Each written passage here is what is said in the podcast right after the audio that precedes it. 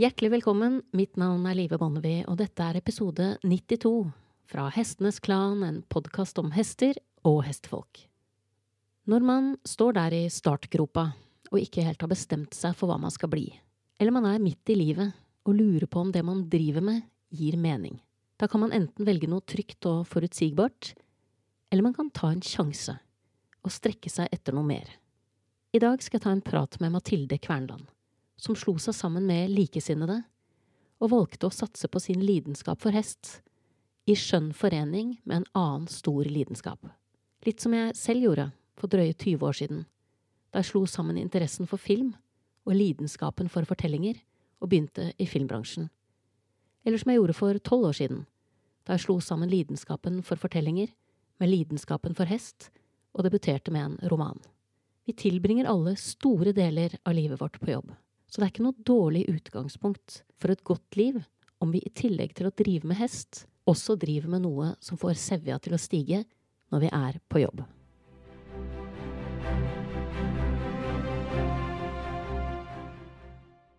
Eh, velkommen i studio, Mathilde. Tusen takk. Det var veldig artig å, eh, å ta en prat med deg. Jeg, jeg har jo en del eh, Facebook-venner, og du er en av mine Facebook-venner. Mm. Jeg har aldri truffet deg på ordentlig, men jeg har hatt kontakt med deg i hva da, tolv år? Ja, noe sånt, kanskje. Noe sånt. For den første gangen du dukket opp i min Messenger, så hadde du lest boka mi. Ja. Og hadde noen spørsmål i forbindelse med det. Mm. Og så jeg, gikk jeg liksom tilbake og titta på korrespondansen, og så hadde vi liksom korrespondanse litt sånn av og på, og det kjennetegner egentlig korrespondanse jeg har med masse heste-Facebook-venner. Jeg følger liksom med på, på nyhetsoppdateringene deres ofte, ser hva dere legger ut, og har dere liksom litt sånn i periferien. Mm. Uh, og så eh, hender det at det er noe korrespondanse frem og tilbake, og så kan det bli en lang pause. Og du og jeg har hatt en ganske lang pause. ja. Den siste gangen vi hadde korrespondanse på Messenger, var i 2018, så jeg. Men så eh, dukker du da opp i min eh, newsfeed eh, med en kickstarter-aksjon. Og der var det noen sånne stikkord som jeg ble veldig eh, gira på, som jeg har lyst til å snakke med deg om. Men før vi kommer så langt, så syns jeg alltid det er interessant å høre om din vei inn med hestene. Mhm. Altså din reise som hestemenneske. Og så skal vi snakke om dette prosjektet som jeg ble trigga etterpå. ja. Så hvor, hvor er det naturlig å starte da? Nei, altså, jeg begynte jo allerede når jeg var veldig lita. Eh, Da gikk jo det i å tegne hest i barnehagen og se på Spirit, eh, hingsten fra Kimeron. Og det, det var jo en gjenganger som ble sett i hvert fall en gang i året. Så fikk jo naboen våre hest, og jeg ble jo så klart da alltid med når jeg kunne i stallen. Eh, og så gikk jo det videre på ridkurs, og det slutta vel egentlig aldri der. Og så gikk det jo en drøss av fòrhester, ikke sant. Eh, og når jeg da ble gammel nok til å kunne ta ansvar sjøl, så kjøpte jeg min første hest. Så da hadde du altså fått din eh, første hest, eller fått. Du hadde måttet kjøpe han selv. Ja. Du hadde måttet holde han selv. Mhm. eh, Og så starta den reisen med den hesten. Ja. Eh, det første som er egentlig Den første bagatellen vi hadde, egentlig, det var jo det de første fire månedene jeg hadde den. Så fikk vi ikke trav. Til og med over travbomma så fikk jeg tre steg med trav, og så var det sølvt. Og det var jo veldig frustrerende. Så tok jeg en, jeg tok en ferie i Spania, og så fikk jeg beskjed fra venninna mi, som også hadde hesten sin på stallen, da. bare sånn Ja, den hesten har vært en dritt mens du har vært borte. Så dere hadde fått en relasjon. Som jeg ikke visste om ennå. Hvordan hadde du det i Spania der? Kjente du på det også? ja, men det var samtidig fint å få en liten pause. For det var mye frustrasjon bak der. Eh, Så når jeg kom hjem, da, så var det egentlig litt, litt godt. Og da tenkte jeg OK, vi begynner fra scratch. Vi, vi tar han i rundt paddocken. Vi hadde en rund paddock på, på ridebanen. Så tok jeg han rundt paddocken, og han trava jo fint når jeg ikke sitter på han. Og da har han jo ikke utstyr på seg heller, så det jeg gjorde, at jeg tenkte greit. Da hoppa jeg på uten utstyr i rundt paddocken, og han trava som han aldri hadde travet før. han. Og da tenkte jeg OK, jeg sitter i veien for hesten min. Så jeg måtte lære meg, da. Og jeg måtte lære han hvordan vi skal kommunisere for å få til noe sammen. Og det er jo en av de første tingene som jeg lærte han. Så vi fikk jo til slutt trav. Og så det vi gjorde, at vi bare la på mer og mer utstyr etter hvert. Så til slutt så kunne ri han med salehodelag og få trav. Eh, og så lærte vi en stemmekommando på trav. Ja, for det er veldig interessant for islandshesten at den er jo sagt å være ekstremt følsom på, på vokale signaler. Ja, det, det har jeg merka. Han har jo Hvis jeg sier galopp, så går han i galopp. Men det var jo en sånn kneik som vi kom oss over, og vi har fått mye bedre kommunikasjon etter det. For jeg har skjønt litt sånn hvordan han tenker, og hvordan jeg tenker, og hvordan vi tenker sammen. Men dette er en hest som du da fortsatt har i dag, og som på en måte er blitt den hesten som har fulgt deg gjennom dine normgivende år, egentlig? Da.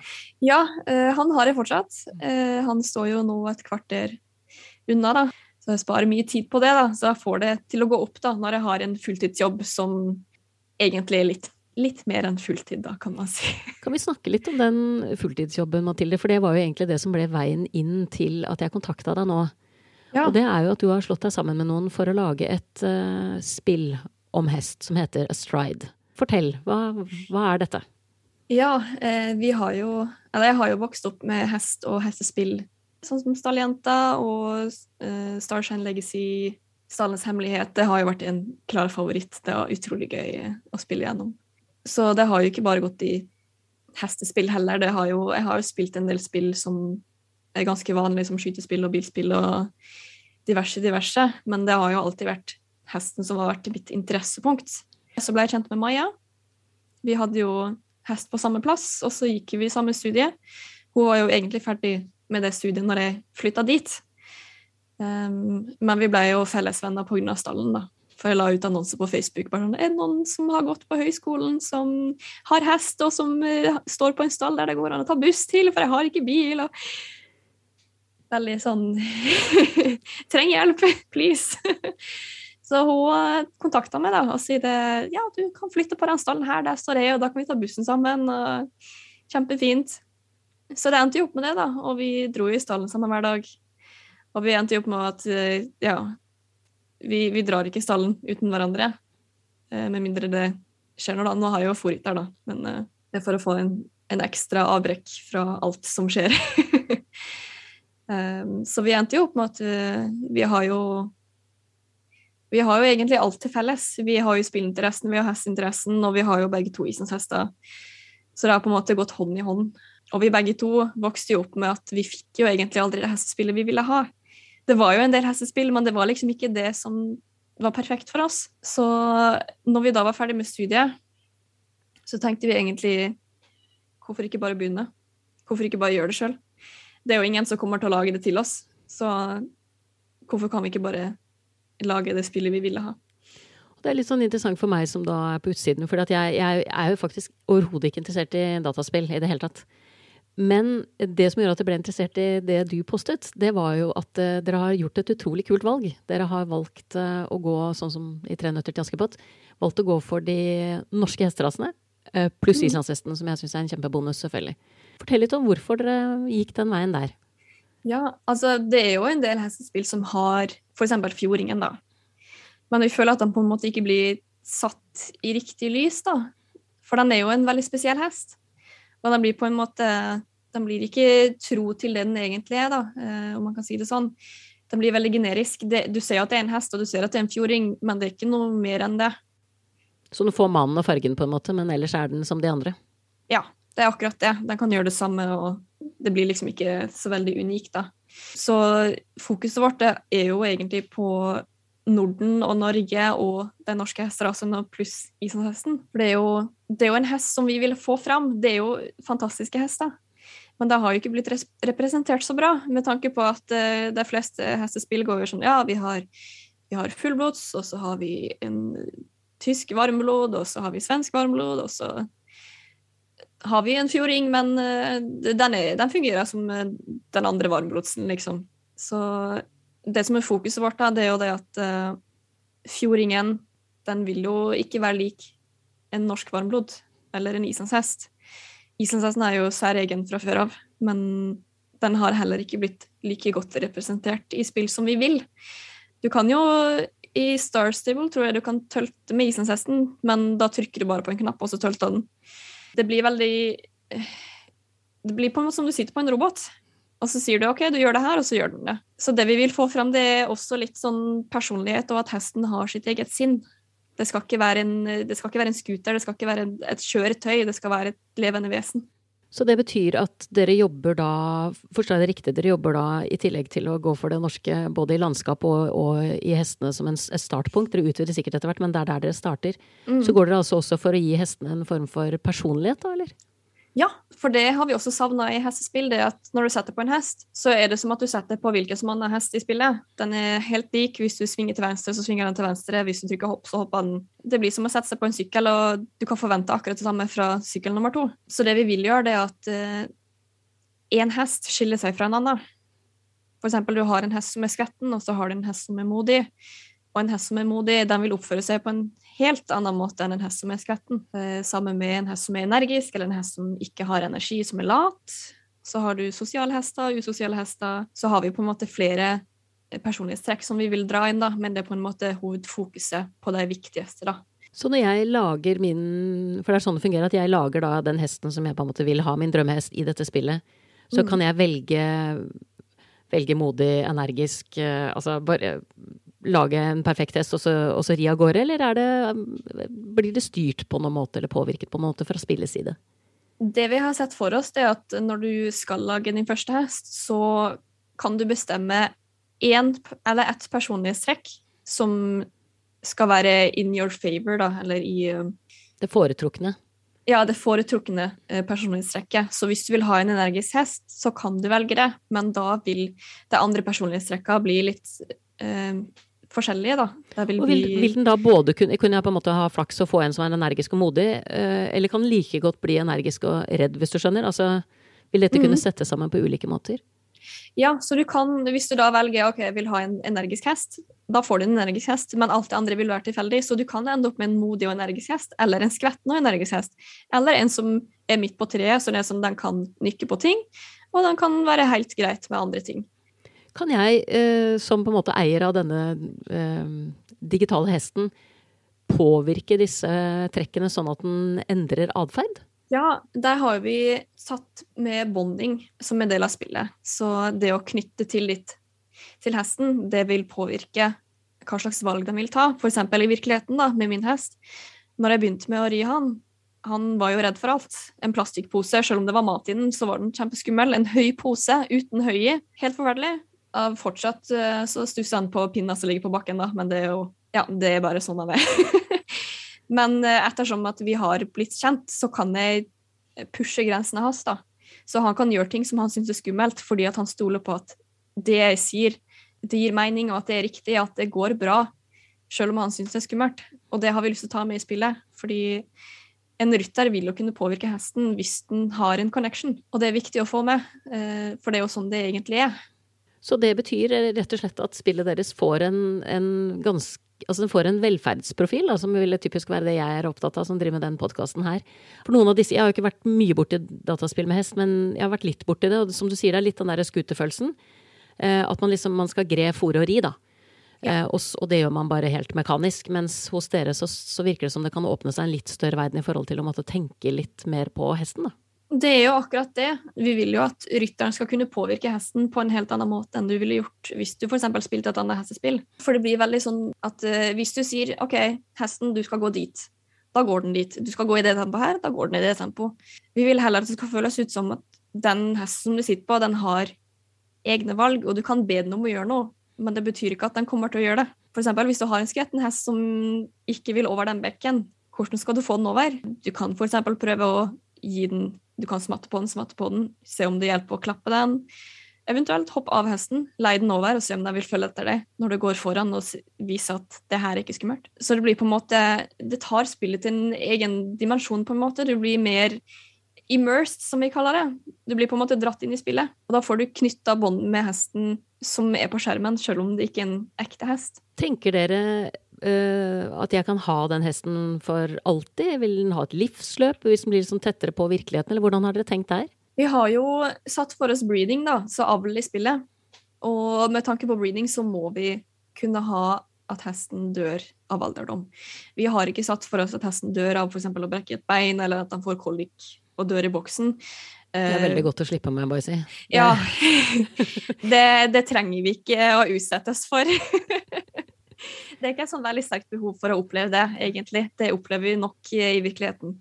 Så det å sette litt vi vil ha realisme, men ikke så realistisk at uh, du kan komme i stallen og finne hesten din død i boksen. Men med tanke på breeding, da, så vil jo vi kunne avle opp følla. Og pga. at du skal kunne ha et føll som vokser, så må vi også ha at når føllet er voksen, så vil det fortsette å vokse.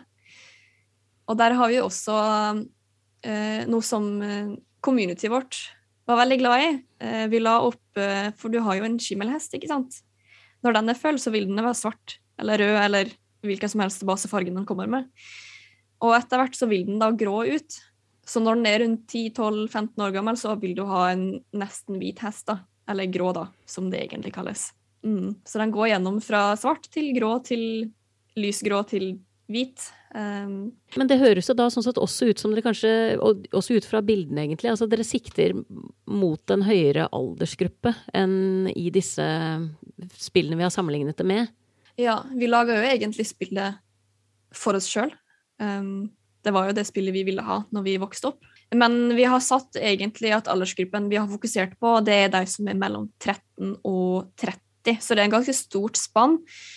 Men vi regner med at vi ligger på sånn unge voksne, egentlig. Og tenåringer. Det høres ut som om dere er på en måte innom dette velferdsperspektivet. Altså at, men hvor uh, i forhold til fòring og sånne ting, hvor uh, realistisk kommer dere til å legge dere, tror du, på sånne ting? Og, og, hvis jeg ikke på en måte er i stallen på en uke, hvilken konsekvens for det? Altså hvor blir det en Tamaguchi som Du sa den vil ikke ligge død i boksen, men hvor, hvor har dere lagt dere på de tingene der? Eh, det som er med fòr og sånt, da, det er at vi vil jo at rytteren, eller spilleren, skal ta valg basert på hva hesten trenger. Så har du en energisk hest som kanskje er litt for energisk, og du vil roe den litt ned, så kan vi ha et tilskudd som gjør at den roer seg ned. Har du en hest som er lat, um, det trenger ikke å være pga. at den er lat, men at den har litt lite energi, så kan du gi den f.eks. havre, og så får den en boost som gjør at den får mer energi å ta bruk av. Men når det kommer til det å ikke være i stallen, da, så har vi gjort det sånn at tida vil ikke gå med mindre du er aktiv i spillet. Så hvis du ikke har vært på PC-en på to-tre uker, så kommer du tilbake sånn som du forlot det. Mm. Det er godt å høre. ja. Jeg har også lyst til å snakke med deg om eh, selve animeringen av hesten i bevegelse. Fordi Du nevnte at dere hadde et community, så dette er altså en gjeng med mennesker som, som, dere har med i utviklingsfasen deres, hvor dere kan på en måte legge fram og presentere ting for dem, og så kan de melde tilbake hva de syns. Hvor stor er den gruppa som driver med det hos dere? Eh, akkurat nå, eh, i, i, det forumet som vi har, så har vi 4000 mennesker. Ja, som, det er jo Rikelig med tilbakemeldinger, antakeligvis? Ja, det, det blir en del. Ja. Eh, så vi har 4000 stykker som kommer inn med ønske om hester, altså ønske om features og ting og tang som skal være med i spillet. Det, det, blir veldig mye å gå gjennom, og vi kan ikke ta med alt, men vi prøver så godt vi kan å lage det spillet som alle vil ha, uten å gå bort ifra vår egen visjon, da. For jeg som en helt sånn fra utsiden, men som også har vært inne i 3D-animasjon gjennom jobben i filmbransjen med 3D-animasjon, i filmer for barn, er jo opptatt av bevegelsesapparatet til hesten og syns jo at forpart og det er mange ting som på en måte faller på plass, men det som har vært sånn gjennomgående irriterende for meg, det er at det er et eller annet med bakparten og haseleddet særlig, hvor det, hvor det blir en slags rundhet i leddet som ikke stemmer i det hele tatt med hvordan en ordentlig hest er. Mm. Om, det er om det er i bærende fase eller skyvefasen er jeg usikker på, men, men, det er liksom som om det er en rundhet i det leddet som gjør at man ikke helt uh, tror på det. Hvor, uh, og det er jo samme modellen ofte som ligger til grunn for alle de ulike spillene. ikke sant? Så jeg bare, Hvor mm. er dere i løypa der? Er det, er det, noe som har kommet opp i community, eller er det bare jeg som har hengt meg opp i det? det er ikke noe som nevnte enda. Eh, vi får mest feedback på bevegelsen i animasjon. For Marius, da, vi har jo bare én animatør som gjør alt. Så vi hadde jo Jeg håper han er hardtarbeidende. Han er veldig ja. hardtarbeidende. Han er veldig flink. Han har utvikla seg utrolig de siste månedene. Han har blitt kjempeflink. Um, det ser veldig bra ut, da. Altså, det må jeg ah. virkelig si, ellers hadde vi ikke hatt denne praten her. Altså, det, jeg syns jo det er, det er kjempelovende utgangspunkt, og utrolig imponerende hva dere har fått til, altså. Mm. Og han, Marius han har jo egentlig ikke så mye erfaring med hest, bortsett fra eh, samboeren Maja, som da også er med på prosjektet.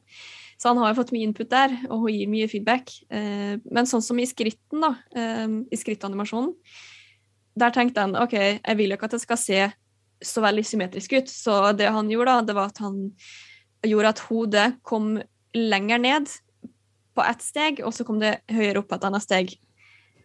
Og da fikk vi bare sånn Alle som kommenterte 'Den ser halvt ut! Den ser halvt ut, vet du. Ja, tenkte Marius, jeg vet at du ikke vil at det skal se symmetrisk ut, men i skritten og i, i hestens gangart så må det være symmetrisk, for hvis ikke så ser den halvt ut med en gang. Da ser det ut som den er urein, og det ser ut som den har vondt. liksom. Han bare 'Å, ja, det visste ikke jeg'. så det er sånn, han, han har lært mye, da, og han kan mer om Versade enn det jeg gjør. Så jeg har ikke satt meg så veldig mye inn i det, men at han kan mer om det enn meg, det er egentlig litt flaut. Men det betyr, det betyr at hestene vil kunne gå um, øvelser i dressur opp til hvor høyt nivå? Vi har jo satt opp eh, Vi har jo Tirna på laget. Hun har jo både instruert og ridd mye dressur.